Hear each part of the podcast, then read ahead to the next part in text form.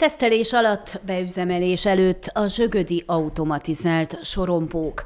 Kedden és szerdán több szakember jelenlétében tesztelték az elmúlt években több súlyos, sőt halálos baleset helyszíneként is elhíresült zsögötfürdői vasúti átkelőnél, még tavasszal felszerelt automatizált sorompókat.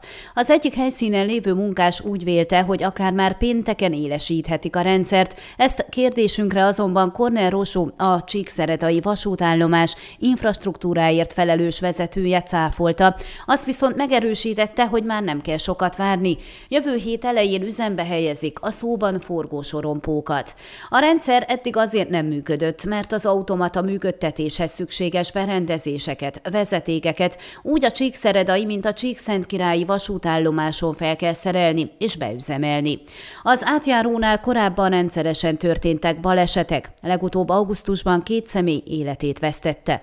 Olyan is előfordult, amikor egy autóvezető a sínek mellett nagyra nőtt ajnövényzettel magyarázta, hogy nem látta a közeledő vonatot. A vasút társaság illetékesei minden alkalommal hangsúlyozták, hogy az átjáró megfelel az előírásoknak, a balesetek pedig nem a sorompók hiánya miatt, hanem az autóvezetők elővigyázatlansága miatt következett be. Amíg az automatizált rendszert beüzemelik, addig a járművezetőknek áthaladás előtt meg kell állniuk, és meg kell bizonyosodniuk arról, hogy nem közeledik vasúti szerelvény. Ugyanakkor továbbra is az átjárónál van a kötelező megállást jelző forgalmi tábla, illetve az ugyanerre figyelmeztető Szent András kereszt. Ezek jelzései hasonlóképpen érvényesek, emlékeztetett Korner Rosú.